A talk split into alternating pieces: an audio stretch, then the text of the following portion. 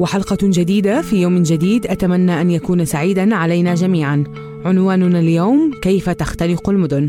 في فلسطين أنشأ الاحتلال الإسرائيلي 522 حاجزا يعرقل حركة الفلسطينيين في الضفة الغربية وذلك بحسب ما ذكر مكتب الأمم المتحدة لتنسيق الشؤون الإنسانية والحواجز هي عبارة عن نقاط عسكرية ينصبها جيش الاحتلال الإسرائيلي ليفتش كل فلسطيني مار داخل أو خارج من منزله إلى عمله على سبيل المثال ويستخدم الاحتلال هذه النقاط للاعتقال أيضا. فالكثير والكثير من الشبان اعتقلوا على الحواجز. تخيل معي أن يكون بيتك خلف الحاجز وعملك أمامه. وأن تستيقظ قبل بزوغ الفجر لكي تستطيع الوصول في الموعد المطلوب للعمل. وتقف على الحاجز إلى أن تعجز قدماك عن حملك. وسط زحام خانق.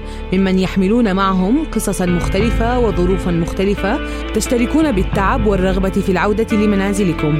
لكن لقمة العيش تجبركم على الوقوف. وبعد ساعات طوال تصلون العمل وأنتم تفكرون كيف ستعودون وكم من الوقت سوف تنتظرون. فتعود لتصرخ في الحاجز بيتي خلف الحاجز.